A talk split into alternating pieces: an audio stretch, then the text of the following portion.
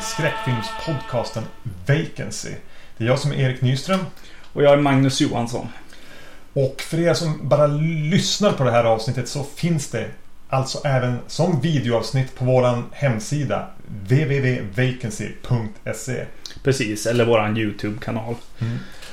Och varför har vi nu valt att göra ett eh, videoavsnitt igen? Ja, precis. Ja, men det är ju vårt hundrade avsnitt. Ja, herregud. Tada! Eh, ja, nej, men det är härligt att uh, äntligen vara här, höll jag på att säga. Nej, men det var kul att uh, vi har lyckats. Hålla ut så här länge. Exakt, eh, precis. Eh, och eh, Vi ska inte hålla på och sitta och prata nu i, i, i 35 minuter om våra minnen av våra bästa och sämsta stunder. Utan vi skippar den biten. Det, Precis, precis. Eh, Det, det som vi, vi dock har genom avsnittet här det är att eh, eh, lite kompisar och så har hört av sig till oss och eh, lämnat ett litet meddelande. Och de kommer vi höra genom avsnittet här. Mm. Eh, Och eh, på, tack vare det kanske Mm. så kommer vi bara prata om en film idag. Men inte vilken film som helst heller. Nej, precis. Utan det blir Halloween. Från eh, 1978 då. Stämmer. Yes. Av John Carpenter. Mm.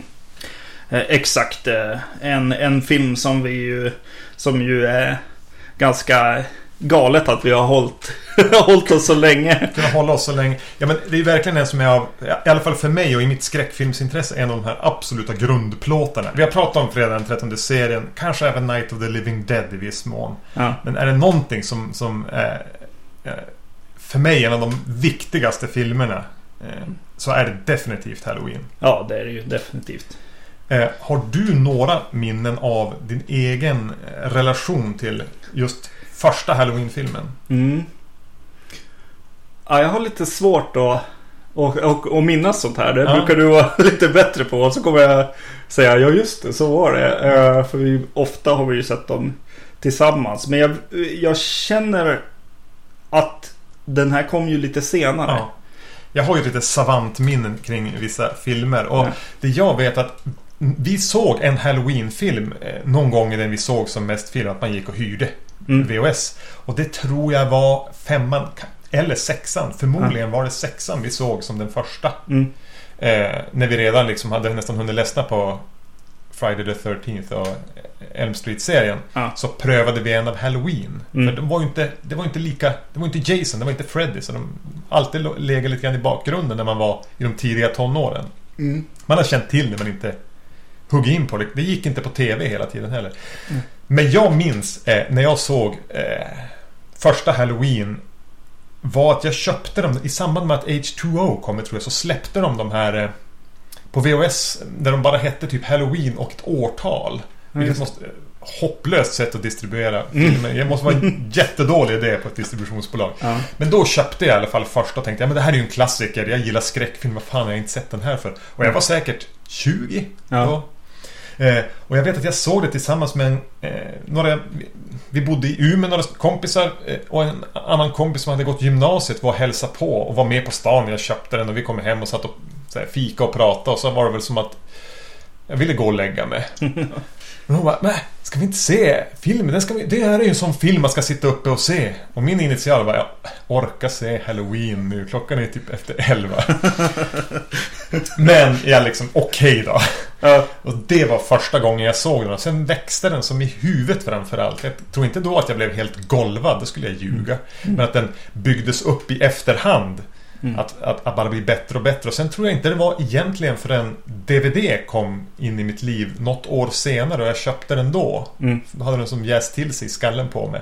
Och då började jag se den massor. Ja, precis. Jo, jo det, det är ju lustigt nog en film som är sån där. Att man bara kan se den om och om, och om Mm. igen. Liksom.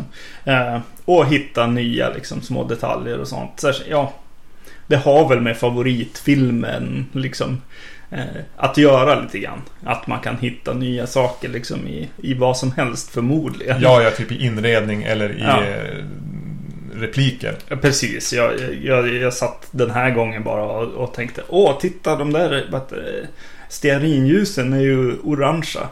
så Halloween-färgen liksom. Och så bara, ja, Man- Man är inne på den, de nivåerna nu.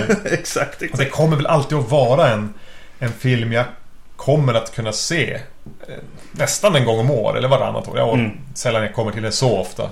Men Ja. Den har ju eh, liksom eh, för sig också att den är ganska kompakt liksom och, och ganska kort så, här, så Ja. det, det är inte, inte svårt att ta sig an den verkligen. Nej. Utan det är bara att stoppa in och se den liksom.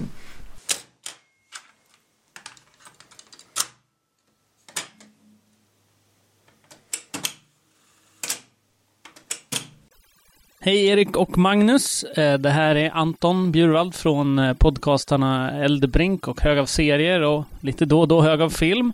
Eh, jag vill gratulera till ert hundrade avsnitt av Vacancy. Den absolut bästa skräckfilmspodcasten jag lyssnar på. Är, Ärligt talat också den enda skräckfilmspodcasten jag lyssnar på eftersom att skräckfilm är läskigt och jag är en fegis. Eh, jag tycker er podcast är väldigt bra. Jag tycker att den är roligt att eh, höra två så pass insatta människor snöa in på ett insatt ämne, även om man själv kanske inte alls är speciellt insatt. Eh, och sen så är det också roligt att höra Erik vara entusiastisk för någonting, för att under de åren jag har känt honom så har han mest eh, etablerat sig som en människa som inte tycker om någonting egentligen.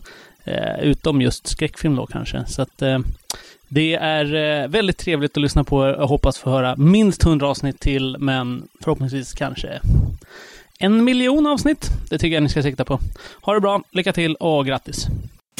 det vi bör eh, flika in nu är väl att vi kommer att spoila det här avsnittet. Så Mm. har ni inte sett Halloween och är livrädd för spoilers, sluta lyssna, gå och se Halloween, lyssna sen. Ja. Ehm, jag tänker att de flesta av våra lyssnare har nog förmodligen sett den. Ja, ja, precis. Jag höll på att säga, det får man hoppas. Ja. Om inte annat, gör det precis nu. Pausa, se den och kom tillbaks. Mm. Ehm, den handlar väl egentligen kortfattat om Michael Myers som återvänder till Haddonfield. Där han 15 år tidigare mördade sin syster. Och nu fortsätter det han påbörjat på något vis. Ja, precis. Och vi kommer att prata om filmen, kommer vi att fortsätta prata om vad den handlar om också. Mm, mm. Men som sagt, det känns inte jätteviktigt i sammanhanget att förklara intrigen. nej, precis. Nej. nej. Eh, jag hade ju nöjet att se den här på bio. Var det, Just det. var det förra året? Jag tror vi nämnde det på podden också. Ja, precis. Ja, och... Eh,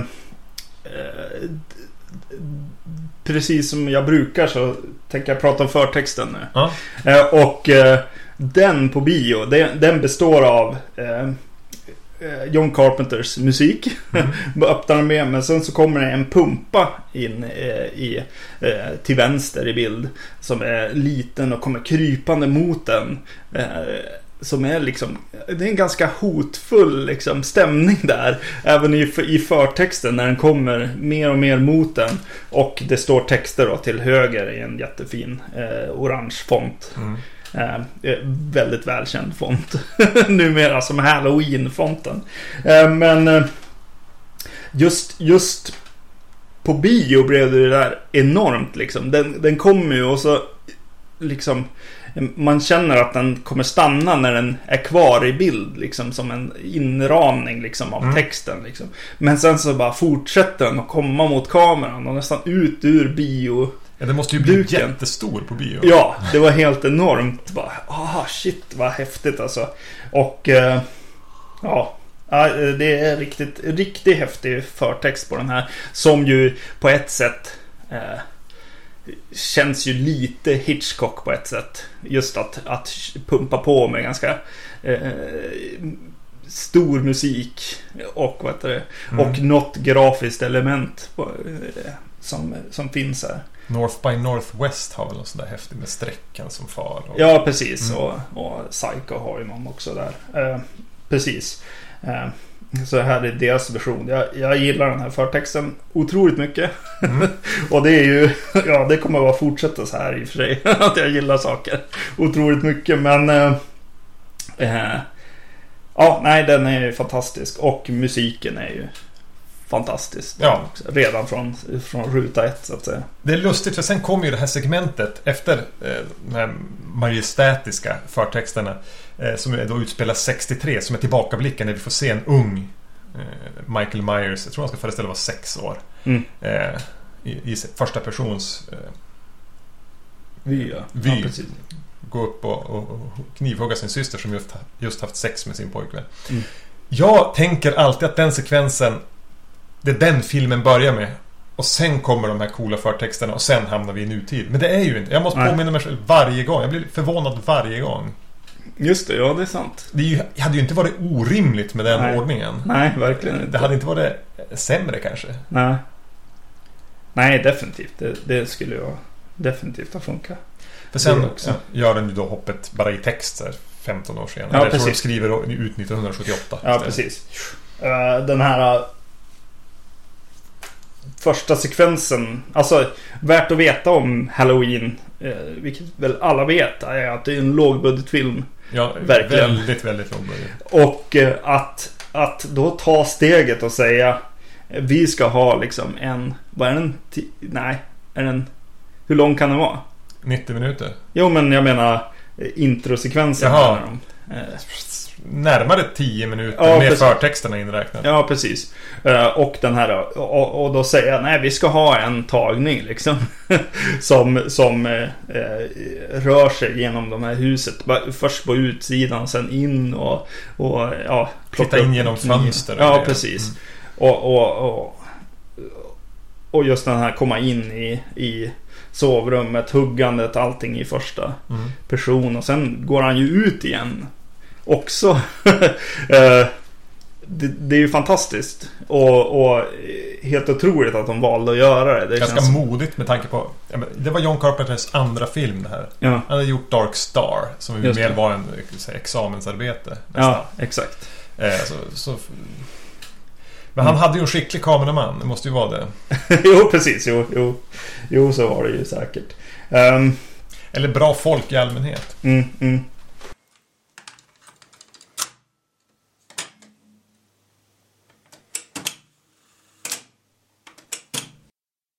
Ja, Rickard.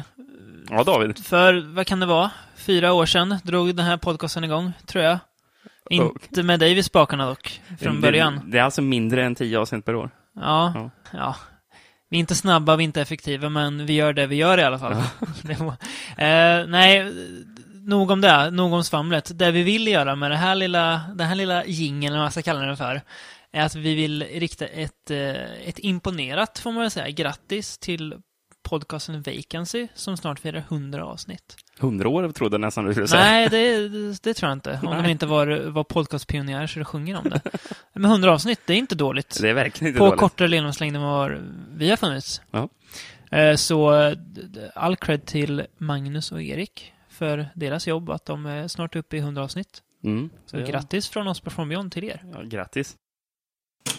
Ja, vi kan väl kom, komma in på de här folket. Det känns som att eh, Halloween är ju John Carpenters ha- Halloween verkligen jättemycket. Ja, han, mm, han vill ju ofta ha sitt namn i anslutning till titeln på sina filmer. Ja, precis. Eh, och eh, det känns ändå som att det finns några till här bakom, bakom honom. Eh, bland annat eh, ja, Deborah Hill först.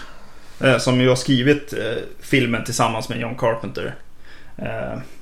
Eh, De var väl ett par vid den här Ja, precis. också. Jo, precis. Och hon har producerat filmen också. Eh, jag vet inte hur deras liksom eh, skriv liksom stil tillsammans eh, uttrycker sig. Jag, jag börjar tänka, kan det vara interaktionen mellan de här eh, kvinnorna eller unga, ja, ungdomarna här. Mm. Som kanske hon har varit inne på väldigt mycket kanske. Jag får en liten känsla av. Hon har ju varit med och regisserat några scener också. Ja. Jag ju. Att, att, att hon... Ja men scenen när de åker i bilen. Mm, Eh, just det. Laurie och Annie, de åker, det ska, det ska vara som en så övergångsscen tills det blir mörkare. Jag tror Mm. det var lite så här, de kom på det lite i sista minuten att de behövde en övergångsscen. Ja, Den skrev ju hon Mm. och, och regisserade och filmade tror jag. Ja. Från baksätet av bilen. ja just det. Eh, Så man tänker att det hon har haft mycket kring dialog mellan ungdomarna. i Ja, precis. Det känns så. Ja, Och det är ju hennes hand också som hugger ihjäl systern. ja just det. Ja. Håller i kniven.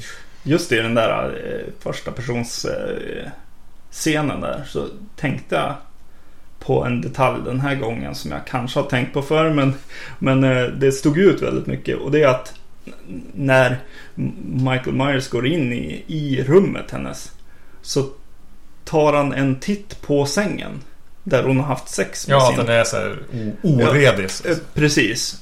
Kanske för att vara övertydlig med att jo, de har haft sex liksom. Men det finns ju någonting inne i han också som... Alltså varför tittar han på sängen? Eh, ja, det bara sl- slog mig här och eh, ja, jag kanske kommer ti- tillbaks till, till sådana tankar Mm. senare. Men sen så har vi ju den, den stora mannen Dean Cundy som han jobbar med här som fotografen. Ja. Eh, Och eh, det är ett fantastiskt foto rakt igenom här. Eh, Ett foto som räddar upp den här budgeten. Alltså väldigt, de- väldigt mycket. Precis, man hade kunnat föreställa sig hur den skulle se ut om den inte hade haft den här lyx, superlyxiga kameran. Mm, mm, mm. Alltså som... Dels så använder de ju någon slags halv steadicam. Ja, Att den glider mycket runt. Och, och att om det är han som är skicklig på att ljussätta eller använder sig av skickliga ljussättare. För det mörka blir alltid bläcksvart. Alltså avgrundssvart. Men ändå så blir blir det fina kontraster i det. De kan verkligen använda mörkret och ljussätta utan att det ser för skarpt ut. Utan Mm. allting känns precis som man tänker sig att man vill att natten ska se ut. mm, precis. Jo, det här blåa som, som finns där. Där inga lampor lyser så, så blir det ju ett blått ljus eh, som väl eh, är det som, som eh, eh, visar på att det är Halloween vi ser på på Ja, något sätt. eh. Det blev väl lite signum för, för filmen. Ja, det ja. blå, blåa skenet. Ja, men det är ju fantastiska kompositioner, jättefina eh, eh, vyer, bilder på, på husen här. Eh, och väldigt häftiga åkningar också med, med Steadicam. Då. Mm. Eh, både här i början. Eh, en scen som jag som känns lite grann som att den bara är dit lagd för att förklara någonting. Och det är den här scenen där när eh, Dr. Loomis kommer till till eh, eh, psykhemmet här. Mm. Och, och skäller på dem för att de lät, han, eh, lät Michael Myers eh, fly därifrån. Och eh, de vill egentligen bara förklara hur Michael Myers faktiskt kan köra en bil. Eftersom Mm. att han blev inlåst vid eh, sex års ålder här. Eh, och, eh, och den scenen som känns lite så här, ja men de vill bara berätta. och vad heter det, safe liksom. Eh, men eh, just den åkningen, liksom bakåt genom slingrande, liksom en gångstig egentligen fram från eh, entrén eh, till bilen och så åker bilen iväg liksom. Mm. Det var en tagning, eh, förmodligen ganska billigt eftersom att de bara hade liksom de kunde bara, ja men vi filmar en, en tagning, sen har vi inte råd med något mer liksom. Och då gör vi den här liksom ganska eh, fina liksom åkningen ändå. Eh, det är väldigt imponerande. Eh, allt det. Och så widescreen-formatet då. Väldigt, väldigt bred bild. Ja, eh, precis, som är otroligt. Men använder de ju på gatorna också. Alltså för att... Mycket scener när de här tre unga kvinnorna kommer och går och pratar. Det är nästan det jag tänker på först när jag tänker på Halloween. Så är det just de som går i det här höstiga Mm. Haddonfield. Lö på marken och går och pratar och, och, och skämtar. Mm. Och, och hur de ändå... De spelade ju in den här i Los Angeles. De var tvungna att här, gömma palmer och grejer. Ja, ja, precis. Och man ser ju om man vet om det att, att det är ju inte alls höst. Nej, alltså nej. det är grö, gröna gräsmattor, väldigt, väldigt mycket blad i, i träden. Men det, man blir som lurad av de här fejklöven de har slängt Mm. på marken Mm, och precis. placerar ut. Ja. Ja, nej. Eh, otroligt bra filmat foto. Och... Eh, ja, precis. Det känns... Där börjar jag tänka på eh, vad Hitchcock ville göra med eh, Psycho. Där han såg på de här billiga liksom eh, skräckfilmerna, Ja. som, spektaklerna liksom. Och sa i princip Ja men tänk vad skulle hända om en, en bra regissör gjorde en sån eh, film liksom. Eh, och eh, det känns som att det bara, ja, det blev samma resultat här på ett sätt. Eh, som när Hitchcock gör eh, eh, Psycho. Eh, här här är in, kan inte Hitchcock komma och säga ja men jag är ju faktiskt bättre än de här eh, skräckfilmsregissörerna. Nej, han är, det är verkligen på tårna här. Och det märks att alla är på tå. Mm. Eh, Skådespelare också, vilket jag tänker vi kommer kanske komma till. Mm.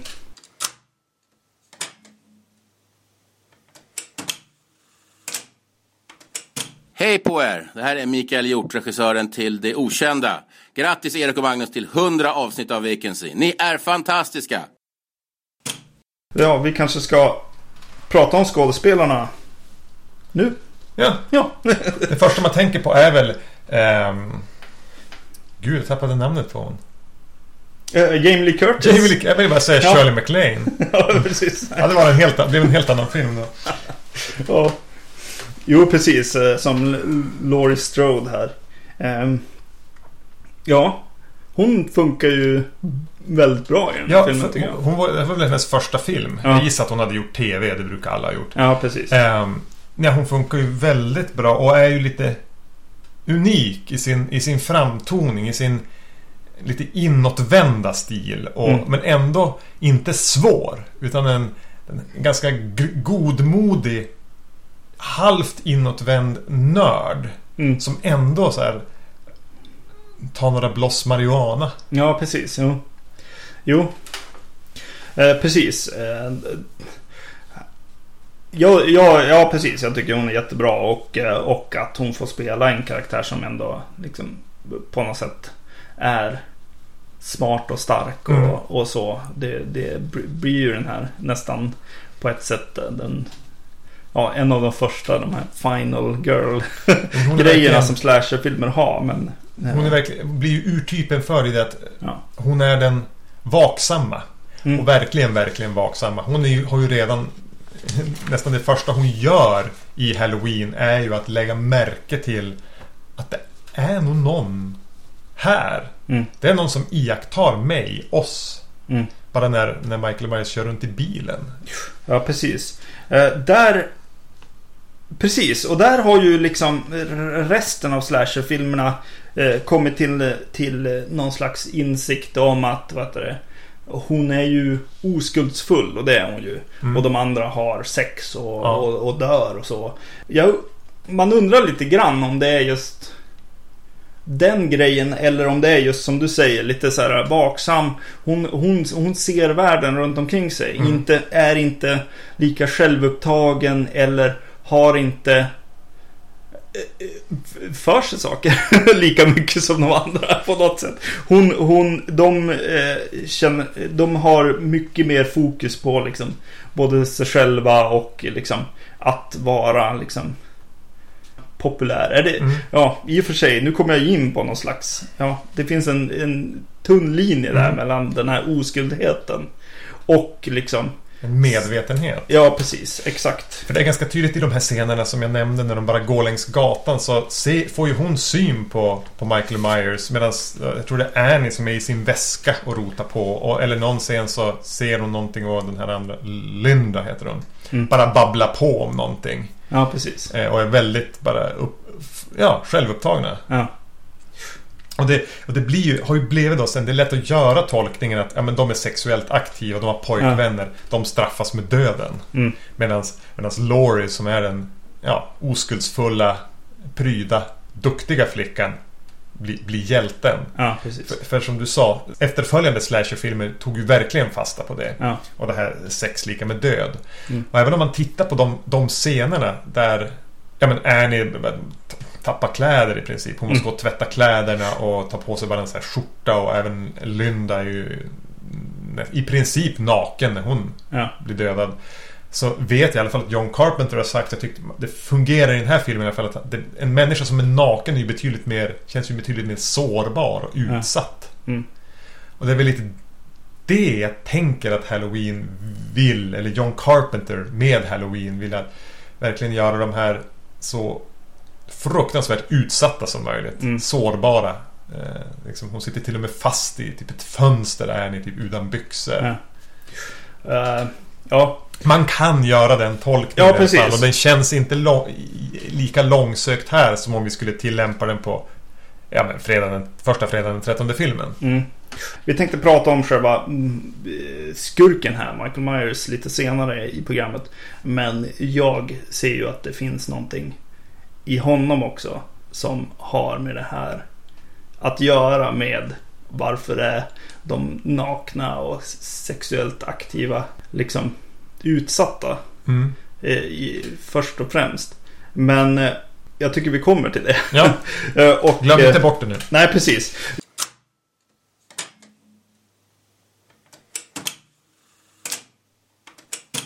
Gustav, det är någonting jag tänkt på. V- vad har du tänkt på Emil? Jag tänker på att jag och du som har podcasten tittarochsnackar.se Vi har en bra podcast, vi har en stabil podcast, skulle vi hålla med om.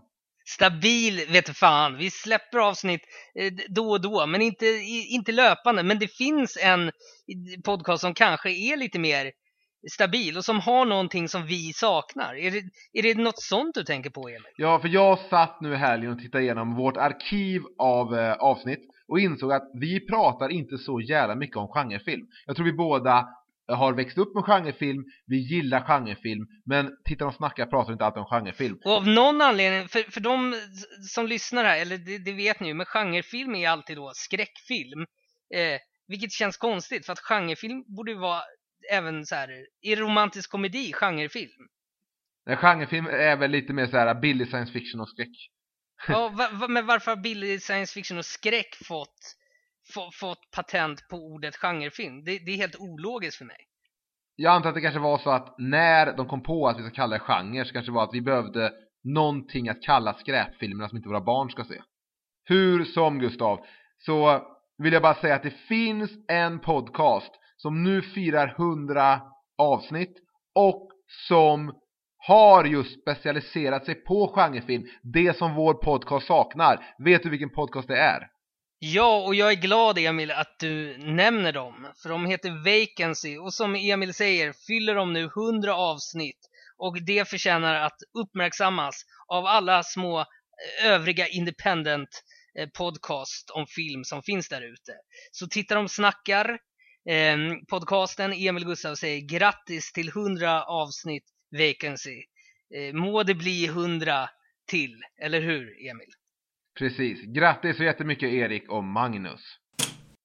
Donald Pleasence, som ju är med i den här filmen Ja, också. visst var han typ så här tredje eller fjärde valet? Ja, precis. Var inte det. både så här Christopher Lee och Peter Cushing de som John Carpenter först tänkte på? Ja, precis. Jag tror det. Christopher Lee var, eh, om man var upptagen med annat eller om man inte var intresserad. Mm.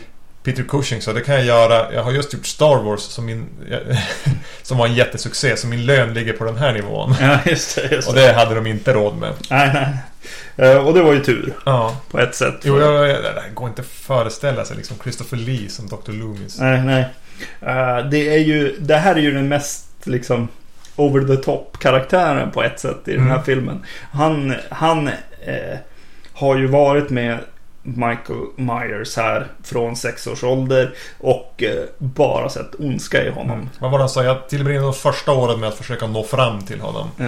Och de nästkommande sju åt att låsa in honom. Så att han aldrig mer skulle kunna komma ut. Precis, för, det, för han är bara ondska liksom. Han har varianter på det som han bara mässar genom hela filmen. Ja, ja. Han är här, han är tillbaka, han är, Ja. han är, han är ondska, han är död, det är tomhet, det finns inget. Nej.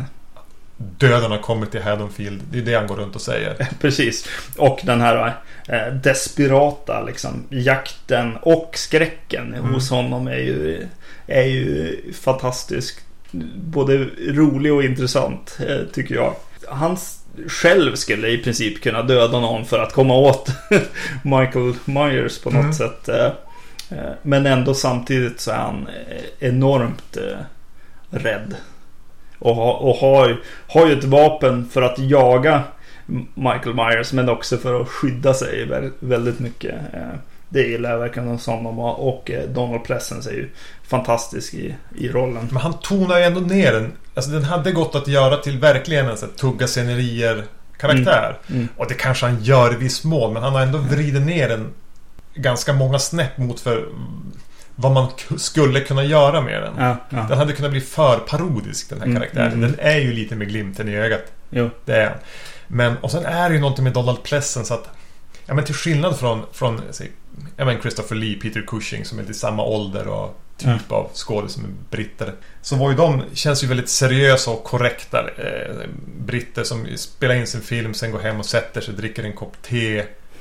Tittar på nyheterna med sin fru och går och lägger sig. Ja. Donald Pleasence känns ju lite mer som en som var på Woodstock och, Mm. och, och, och rökte på under inspelningar och var ett, Kanske nästan ett lite mer mörker i sig Ja. än vad någon av de där som bara är duktiga skådespelare. Ja, precis. En lite mer trasig farbror. Ja, precis. Jo, jo, och det såg man ju också i, i eh, när vi pratade om Wake in Fright som han också är med i. Ja, just det. Eh, mm, precis, jo, man, man känner hela tiden att liksom, det är någonting som eh, eh, ligger där liksom. Mm. Någon spänning liksom. Eh, när han är på, eh, på skärmen liksom. Ja, de här andra skådespelarna i, i filmen. Eh, PJ Souls och eh, Nancy Keys. Hon heter Det måste- Nancy Loomis här, men jag tror att hon har gift sig sen dess. Ja, just det. efternamn. Just det, just det. Eh, och då, ja, de funkar ju också väldigt bra. Alltså och, som de eh, karaktärer de ska vara liksom. Och jag gillar verkligen eh, Annie, karaktären här som mm, det Nancy. är hon man fastnar vid lite grann. Precis. Hon, hon är riktigt bra i den här filmen. Och har den här eh, poli, pappa-polis grejen liksom också liksom som, som en aspekt som jag gillar verkligen i, i filmen när det dyker upp liksom. Eh, ja, jag, jag, jag, tänkte på hon när jag såg den nu. Lite grann, det här är en jättekonstig referens. Den, kommer- den kan döda hela podd. Bara- Alla kommer överge oss. Men jag tänkte på Sex and the City. Miranda. Ja, just Lite cynikern. mm, mm, Som vet reglerna och bara spelar efter dem ändå. Men är som medveten om det. ja. Alltid lite, lite ironisk. Eller Mm. lite sarkastisk. Men eh, vi alltså följer ju ändå med. Ja, precis. Och, PJ Soul som liksom den, den liksom eh, roliga på något sätt i gruppen som Ja. har, har en tagline till och med med totally och, och sånt. Eh, Ja, jag, jag tycker de har både skrivit dem och, och eh, spelar dem väldigt bra de här Mm. karaktärerna. Det finns några till små karaktärer. Han, eh, Charles Cypher spelar ju då sheriffpappan. Mm. Verkligen bara utfyllnadsroller Mm. egentligen. Och han... eh, Bob heter han va?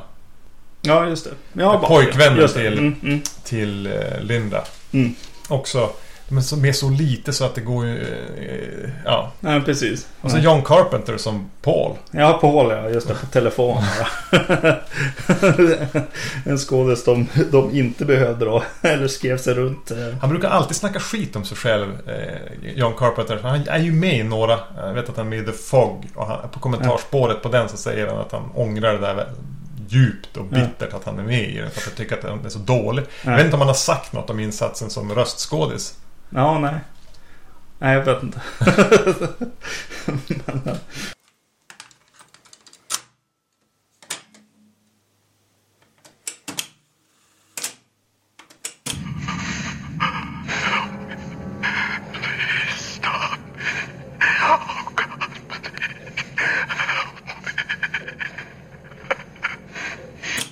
Ska vi prata om Michael Myers själv då? Mördaren här i filmen.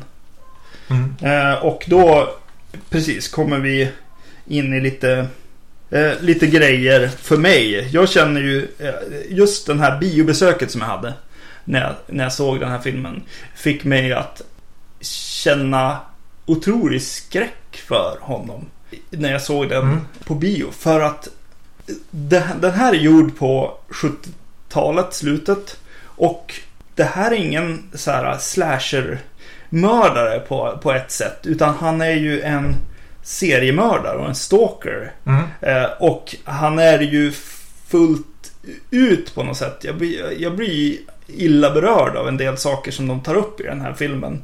När han följer pojken här efter skolan. Ja, han kör med bilen längre. Han går Ja, först. precis. Och sen Först så, går han och så, och så sen bara oj, där är ju där är ju ett prey liksom. Mm. där, där, där ska jag Den där ska jag följa liksom. Och så, och så åker han och tittar på honom liksom. ja, han ringar ju in flera Ja, personer och håller precis. koll på dem. Det blir sjukt obehagligt. Mm. Och verkligt på något sätt. Med en, en man som kör sakta eh, bredvid skolgården liksom. Mm. Och det då, ja men visst, eh, han blir ju ver- verkligen sla, slashermördaren, eh, the boogeyman Ja. som de pratar om hela tiden.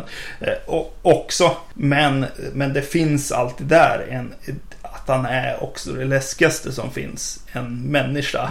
En helt tom människa. Ja, precis. En, en, en seriemördare liksom. För jag tycker även att en, det jag alltid har tänkt vara en av storheterna med Halloween. Att de med Michael Myers lyckas slå an den här tonen som man kan ha med sig till när man var barn och liksom var, eller satt, var hemma själv och, och, och kunde bara bli mörkrädd. För tänk om det har kommit in en mördare. Mm. Vad, vadå för mördare? Alltså liksom det, det, Ja. det är en ologisk tanke att det skulle komma in en mördare. Men han lyckas bli den där som alla kan få en rädsla för. Ja. ja the boogeyman. Ja, Han är liksom som gas. Mm. Han, han, har du lämnat öppet ett fönster så spelar det ingen roll om han var där. Han har, som, han har kommit in då. mm, mm. Ehm, han, han, även om han är väldigt fysisk här Mm. så har han den här nyansen av att vara någonting mer än bara den här människan. Mm. ja precis. Det är det jag tycker blir... Ja, men I vissa stunder kan man minnas bara när man var rädd själv och tänkte att ja, men det är ju han då. Det var ju alltid Michael. Ja, precis. Jo, eh, precis. Och, och det finns ju sekvenser där han verkligen är den här Ja men ju- Som är otroligt bra. Alltså när hon sitter i skolan och eh, Laurie Och eh, ja eh, Drömmer sig bort egentligen på en lektion och så Mm. tittar hon ut genom fönstret och så Står han där eller Eller gjorde han det? Mm. Han står bakom något tvätt också en gång. Ja, precis. Och den är ju fantastisk. Ja. Alltså, verkligen. Alltså, eh, både ja, men foto och allting är ju bara otroligt klippning. Mm. Alltså den lilla stunden liksom. Det är precis det som behövs i, i den eh, sekvensen. Och det är ju John Carpenters gre- stora grej liksom. Att så här, han vet timing. Han kan verkligen timing i, i skräck liksom. Och eh, ja, det gör han ju hur bra som helst här. Eh, mycket med, med de här. Ja, men han, han syns lite i bakgrunden i när Annie är och, och går omkring i, ja, ska tvätta kläder och allting. Och han finns liksom. Man kanske inte ens såg det. Man bara, ja, vad är den här musik? Precis. Kul, ibland har man vissa tillfällen missat att han faktiskt var i något hörn. Ja, precis. Men som han är, återigen, han är som gas. Han, Ja. är, han är överallt. Ja, precis. Eh, Mm. Jo men jag tänker när du säger det, timingen och klippningen, hur bra de får ihop det. För de har ju, eh, eller John Carpenter, i, i, i slutet här även delat upp det lite grann i tre parallella handlingar. Dels så händer det saker i huset där Annie sitter barnvakt och sen händer det där Laurie sitter barnvakt. Mm. Och sen har vi då Loomis och hans eh, som, som spårar dem. Mm. Att få stegrande spänning med tre olika scener, det är inte jättelätt Nej, nej, precis. i Nej. den här typen av tight, kompakt eh, skräckfilm. Ja, precis. Så brukar man ju oftast försöka stänga in karaktärerna på ett och samma ställe. Ja. Och det är ju mycket rörelse i den här filmen, eh, precis eh, som du säger. Både i, i parallellhandlingar men också i, i folk rör sig mellan hus och, och, och kvarteren här. Och, och det skapas ju eh, med klippning, med långa scener när de, det går omkring. Och, och ibland blir det nästan som att filmen är en konserthall till, till John Carpenters musik på något Mm. sätt. Men det är ju där för att ge eh, geografi åt filmen. Ja. Man, man vet ju vart allting här ligger i slutändan när det, när det väl börjar bli viktigt. Vart husen är mot varandra och eh, bilar står och så, så vidare. Då vet vi det. Eh, tycker jag genom den här filmen och det är väldigt snyggt Och gjort. det ger ju även ett rastlöst att kameran är nästan alltid i rörelse. Mm. Även i dialogscener. Eller, eller att någon karaktär är i rörelse. Ja, Så att även om det är väldigt mycket prat. Alltså första halvan av filmen är extremt dialogtung. ja, Så, eller dialogtung, men det är mycket folk som går eller och pratar. Ja, precis. Ja. Och eh, det blir aldrig tråkigt. Nej, nej. Jag tycker... Jag, ibland kan jag nästan tänka att första halvan är snudd på mer så här, gastkramande än, än andra halvan när det faktiskt har blivit en kväll och, och, och folk börjar dö. Mm. Så blir jag, alltså den, den suger ju tag från, från början. Ja, jo. Och jag... Ja, det är så otroligt fascinerande att bara titta på liksom tre kvinnor som går längs en gata och pratar. Ja, ja, precis. En annan sak just med, med den här balansen egentligen mellan liksom att han är eh, det man är rädd för, the boogeyman. Han är en slasher-mördare. Och han är en, en verklig seriemördare på något sätt också. Eh, En scen som jag tänkte på där, eh, nu när vi såg den var just när de gör den här eh, resan till natt. När de är och, och, och åker dit Ja. där de ska sitta barnvakt liksom. När han då har följt dem med bilen. Och bara ja, parkerar bakom. Kör lite, lite fram och parkerar. Mm. Och eh, vi vet att han är där. Han vet vart de är. Och han har verkligen valt dem nu. Nu är det de som är i fara. Eh, jag gillade verkligen den eh, avslutningen på den eh, snutten där. Eh, och, och igen någonting som gör honom väldigt, väldigt farlig. Och väldigt hotfull och verklig på ett sätt också. Vad är det som gör att han väljer dem då? Ja, alltså. För mig är det på måfå. Alltså Mm. han, han åker omkring och väljer ut folk. Det kunde ha blivit den här pojken. Mm. Eh, nu blev det de här liksom. Det kommer ju en scen när hon är och lämnar nyckeln i The Myers House. Just Det är det. bland det första hon gör, Ja. Glory. För hennes pappa är mäklare. Mm. Och försöker sälja det här huset där, där han mördade sin syster för 15 år sedan. Ja. Så, så går hon och lägger det liksom under mattan för att någon ska väl dit och titta på det. Ja. Och då står ju han innanför och ser det. Ja. Och jag tänker att det är då han... Ja, precis. Jo. Sen- Jo, särskilt henne ja. Mm. Ja, precis. Jo. Men han, det känns ju också som han är ute och stryker ändå. Liksom. Kartlägger hela den här stan. Ja, egentligen. Ja, precis. Ehm, mm. Du nämnde någonting som hade med, med sex att göra om Michael Myers. Ja, precis. Eh, den här... Eh, och det kände jag också på bion. För det var mycket ljud Mm. i, i biosalongen. Eh, vi, så, vi såg den på ganska bra ljudnivå här också. Och den här andningen i masken som Ja. man har, som man håller på med, är ju inte bara för, alltså som, som Jason, när Jason andas i en mask Ja. i Fredag den 13 så är det så här, jag är här. Mm. Eh, bara så här. Känn, känn stressen på något sätt. Men Michael Myers är ju eh, upphetsad. Du gör den tolkningen. Ja, han är ju det, tycker jag. Alltså Annie står där, eh, tappar eh, smör på, på, på sina kläder och hon, hon ska byta om och han står där och bara... Och så vet du, Ja, det går så långt att han drar ner någon, någon eh, Ja, blomma blom. Ja. eller någonting. Utan att tänka på det liksom. Eh, för att ju, han ska ju döda den här kvinnan eller då ha sex med henne. Men Vilket kanske är samma sak. för Ja, det är ju samma sak för honom. Eller ja, många seriemördare är ju så också med. Eh, så att... Ja, absolut. Eh, jag känner att, att, att det finns någonting med liksom att, att han, han blir upphetsad av de här personerna. Som gör att, att, att de, de dör. Och eh, ja, då kanske jag lägger mig i campet liksom att ja, har du sex så dör du. Men ja, är du intressant för honom liksom? Snarare kanske det är att stå utanför fönstret och se det här hända som Mm. är grejen för honom liksom.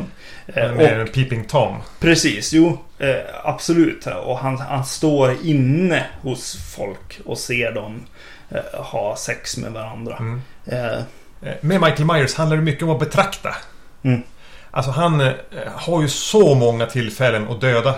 Mm. Framförallt Annie. Men han gör det inte utan han, han vill ju titta.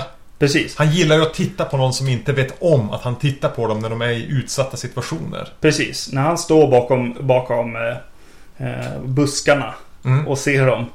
Då är det ju för att titta på de här Mm. kvinnorna liksom. Och, och fantisera om att mörda dem. Så känner jag Ja.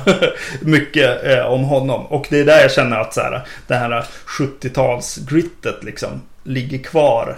Eh, Texas Chainsaw Massacre. Saker som Maniac. Saker som är liksom läskigt på riktigt och verkligt liksom. Ja, och som slasherfilmerna antingen valde då att ta bort. eh, För att det är lite otäckt liksom. Att tänka på det som någonting verkligt.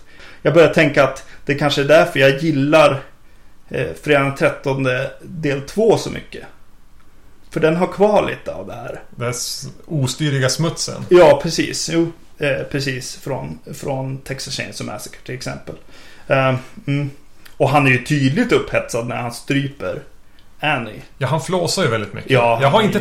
Jag har faktiskt aldrig gjort, väldigt- gjort upphetsningskopplingen. Ja. Alltså, jag har alltid tänkt på andningen som, som en markör för att Michael Myers Ja, är nära. ja. Ehm, Men där i bilen när han stryper henne så Mm. är han, han har ju sex med henne. mm. eh, I sitt huvud liksom. Eh, Så känner jag i alla fall. Och det gör den här filmen ännu mer obehaglig tycker jag.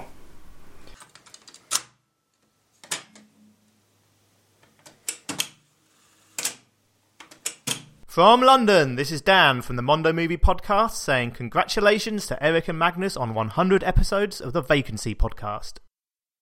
När jag var som mest besatt av Halloween, vilket kanske väl var 10, 12, 13 år sedan. Så läste jag ganska mycket artiklar om den och analyser och sånt. Och då fanns det de här som hävdade att Michael Myers är eh, i psykologiska termer the return of the repressed. Alltså han är det undanträngda i, i psykolog... I, i, någon s- medvetna som kommer tillbaka. Mm. Eh, Och de har även gjort då kopplingen till en slags... Eh, att Haddonfield är lite det här förljugna amerikanska samhället. Det blir den här Texas Chainsaw Massacre-grejen. Mm. Men de bor i sina prydliga vita hus. Eh, med, rika till övre medelklassen. Mm. Som, som bor där. Och att han, han representerar på något sätt det som har trängts undan ur samhället. Både psykologiskt och även på ett sociologiskt perspektiv. Mm. Och, och att det då var väldigt viktigt att han hade den här arbetaroverallen på sig. Att han är både, både undanträngda begär men även den undanträngda arbetaren som har byggt USA. Som kommer tillbaka och slår, slår tillbaka på de här rika vita Ja, just det. Ja. akademikerna. Ja. Eller deras barn kanske framförallt. Ja. Lite grann den här post-Vietnamkrigsångesten och det här som teman som finns i Texas Chainsaw Massacre. Mm. Jag vet inte om jag tror att John Carpenter skrev Halloween med så mycket av de tankarna i huvudet. Men jag har alltid tyckt att det har varit en rolig läsning av ja, den. just det. Ja. Att den jobbar på ett, ja men dels rent freudianskt plan men även på ett slags socioekonomiskt plan. Just det. Ja. Jo, men det är ju roligt. Men det är ganska kul Ja. med filmanalys. Även om man inte alltid behöver ta den på allvar så kan det vara ett kul, ett kul sätt att prata om en film. Ja, precis. Och där är ju eh, en, en, en fråga så här. Eh, vart är föräldrarna? Mm. Eh, kommer ju upp där liksom. Var, vart är liksom. De har babysitters för. Ja, tar de hand om sina barn överhuvudtaget? De här Bara- människorna eller? Ja, precis. Jo, det är sant. Det är de finns ju lite- frånvarande, frånvarande vuxna. Ja, precis. Jo, men det kan ju finnas någonting där och, och, och att kanske då eh, ja, lägga det till mer överklass ja, grej. Att så här, ja, är ni med barnen överhuvudtaget? Ja, ja. Gör ni bara era egna grejer. ja precis. Ja, mm. Ja jag, kan, jag kan ta upp en grej som slog mig. Mm. När, när eh, Loomis eh, springer runt på, i kvarteret där och polisen kommer eh, körande och de pratar lite grann om Ja, Dr. Loomis tror att han är där eftersom att han har sett bilen och, Ja. och det. Och eh, polisen ja, kör, kör runt. Han säger åt polisen bara Ja men kör du på baksidan så kollar jag framsidan liksom. Och då slog det mig att så här, den här polisens dotter ligger död Mm. i ett av de här husen. Jag brukar tänka på det när jag ser den ibland också. Han vet inte om det där. Nej, nej Och precis. de gör verkligen ingenting med det. Nej. Eh, en, en otroligt jobbig sak som förmodligen händer då efter den här filmen. Eh, För honom. Det, det blir lite jobbigt att tänka på eh, tanken här. Och så sen just med andningen och så, så, så används den ju fantastiskt mot, mot slutet. Både när hon, hon inser att ett fönster är öppet. Mm. Han kanske är här inne. Hon förstår nästan det direkt hon Ja. ser det. Hon börjar Ja. gråta direkt. Ja, precis. Och då hör vi andningen överallt. Ja. Då är den bara runt omkring oss när vi sitter, eh, när vi eh, ser på filmen här. Otroligt Men då blir han bra. gas igen. Ja, precis. Jo. Då är han överallt. Otroligt bra använt, särskilt när den ja, har gått genom filmen här. Och eh, ja, ja nej, otroligt bra. Eh, och det återanvänds ju igen då mot slutet. när Loomis skjuter honom. Han faller ner. Och Ja. det visar sig att han inte Han är, är borta. kvar. Han är Mm. borta. Och det här slutet är ju fantastiskt. Både klippt idén med hur den är gjord. Någonting som förmodligen inte är tänkt eftersom att det är lite, se, eh, lite bilder som har Ja, kniven ligger på fel ställe och Ja. lite sådana grejer. Men, men de gör det så jäkla stort och häftigt i slutet när de så här inser att han inte är nere på gräsmattan död. Och så visar de bilder från, från eh, olika rum och så kommer andningen in. Och man hör, hör att han är ju där ute liksom. Och, så, och så blir det större och större ut på gatan och, och så vidare. Eh, Sluta på Bilder. huset. Ja, precis. På Där hans han- hus. ja. Det är ju så jäkla bra slut eh, att så här, han är där ute. Han är överallt. Precis. Och tänk dig då att gå, gå hem längs sådana här gator efter biobesöket 1978. Mm. Det är ju otroligt bra här istället för att liksom punktera allting och säga ja men det är lugnt, han är död, allting är, Mm. allting är bra. Eh, utan han finns där ute i ditt kvarter, i din, i din stad, överallt. Den här seriemördaren som jag eh, återkommer till här. Det känns ju inte som att eh, det är ett slut som gjordes för att här, fiska efter uppföljare. Nej, Det, det tror jag inte. Eh, jag vet att det var någon som var så... Jag hade en diskussion med som hävdade att ja, men det vi får se, de här stillbilderna och andningen, det är ju Michael Myers som flyr tillbaka hem till sitt hus. ja, Alltså vi får som följa han så här, sakta så här, söka sig tillbaka. Det är ju nästan som att eh, bilderna där backar kronologiskt i ja filmen. det. Stämmer kanske inte riktigt. Jag vill inte riktigt se det som att de där bilderna har en handling i ett narrativ. Utan de, de, de pratar verkligen bara till biopubliken. Alltså Ja, de, det är nästan fjärde väggen som, som flyger där. Mm. Att bara, ja, men, tänk dig när du sitter i tv-soffan eller i sovrummet eller längs gatan. Ja. Jo, precis. De kunde ha slutat på en bild utanför biografen du sitter i. det hade väl varit mysigt. ja.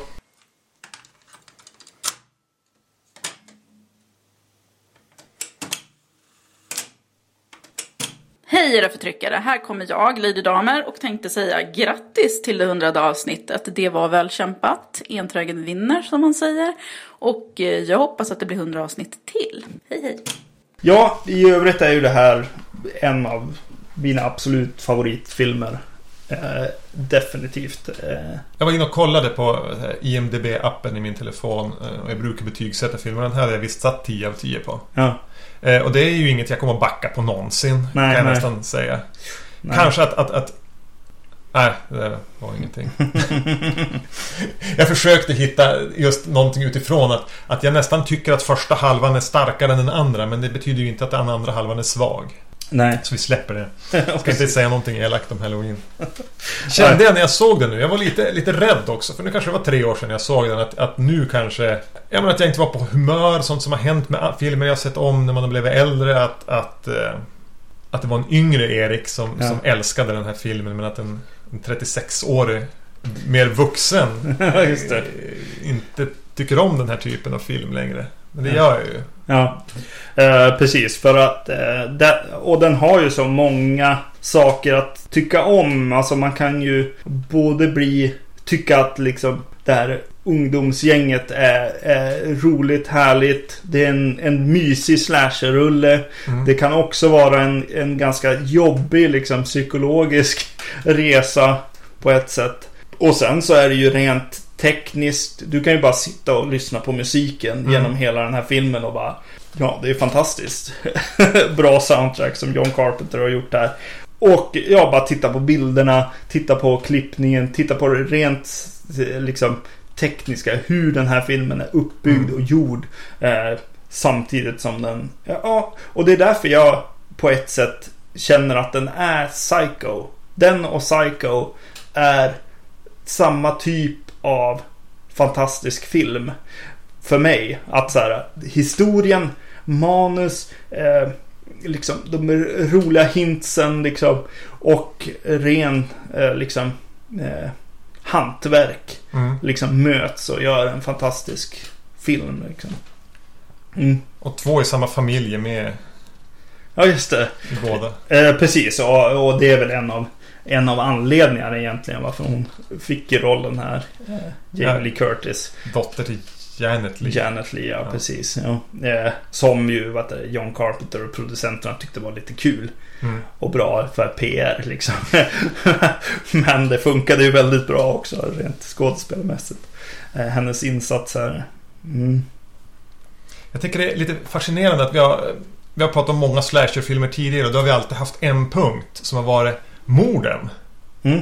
Men eh, jag känner inte att Halloween är en film där morden är det som sticker ut eller något som behöver behandlas speciellt eller är ens en så viktig del av av Mm. filmen. Eh, De är där de är Mm. och- de hör hemma i den men det är ju inte de man minns Nej, heller. precis. Nej. Nej. Eh, Och, och, och, och, det menar jag inget negativt med. Det Nej. är inte så jag menar att de är lättförglömliga. Nej, det är de ju inte. Alltså det finns ju jättemycket som är... Alltså rent, rent skräcken och spänningen och sånt är han ju fantastisk på här. Och, och eh, rena scares också i... i eh, till exempel när hon står där bredvid, bredvid en liksom väldigt, väldigt mörk dörr står hon och, och, och börjar som gömma sig inser att det är någon i huset. Mm. Och så sakta, sakta börjar man liksom eh, se honom stå där i dörröppningen. Nästan som att ens ögon börjar vänja sig vid mörkret. Ja, det är ju fantastiskt Ja. bra. Eh, han gör det ju i, i The Fog eh, också senare. Mm. Eh, samma gag. Men det funkar otroligt bra här i, i Halloween. Ja, ska vi börja avsluta här kanske? Ja. Jag tänkte ta en grej där. Eh, Mm. På bordet här står eh, nyinköpta Blu-ray-box. Ja. Eh, Och det är ju då alla filmer i serien. Ja, precis. Och, och det är det vi kommer att ägna oss åt nu. Mm, framöver här, ja precis. I flera avsnitt här så kommer vi eh, gå igenom alla de här uppföljarna som gjordes. Ja. eh, precis, det är eh, sex, sju uppföljare och två eh, liksom remakes med uppföljare. Ja. Liksom Rob Zombies eh, filmer här. Eh, Så nästkommande fyra avsnitten kommer att bestå av Halloween-filmer. ja, precis. Mm. Yes. Men innan vi eh, avrundar helt så Eftersom jag köpt den här boxen så har jag en, en eh, Halloween på Blu-ray över. Ja. Till eh, den som vill ha. Och för att få den så, jag menar, kommentera på Facebook. Skriv i tråden under det här avsnittet och säg Jag vill hemskt gärna ha Halloween på Blu-ray. Det är en region... Den går att spela på alla regioner. Mm. Eh, eller mejla oss på podcastet vacancy.se. Vad ni känner. Ja, precis. Nej, men det här var vårt eh, hundrade avsnitt och eh, vi får tacka alla som skickade in eh, hälsningar till oss. Verkligen. Yes. Eh, och då hörs vi nästa gång med Halloween 2 och 3. Hej då! Hej! Hej! Skål!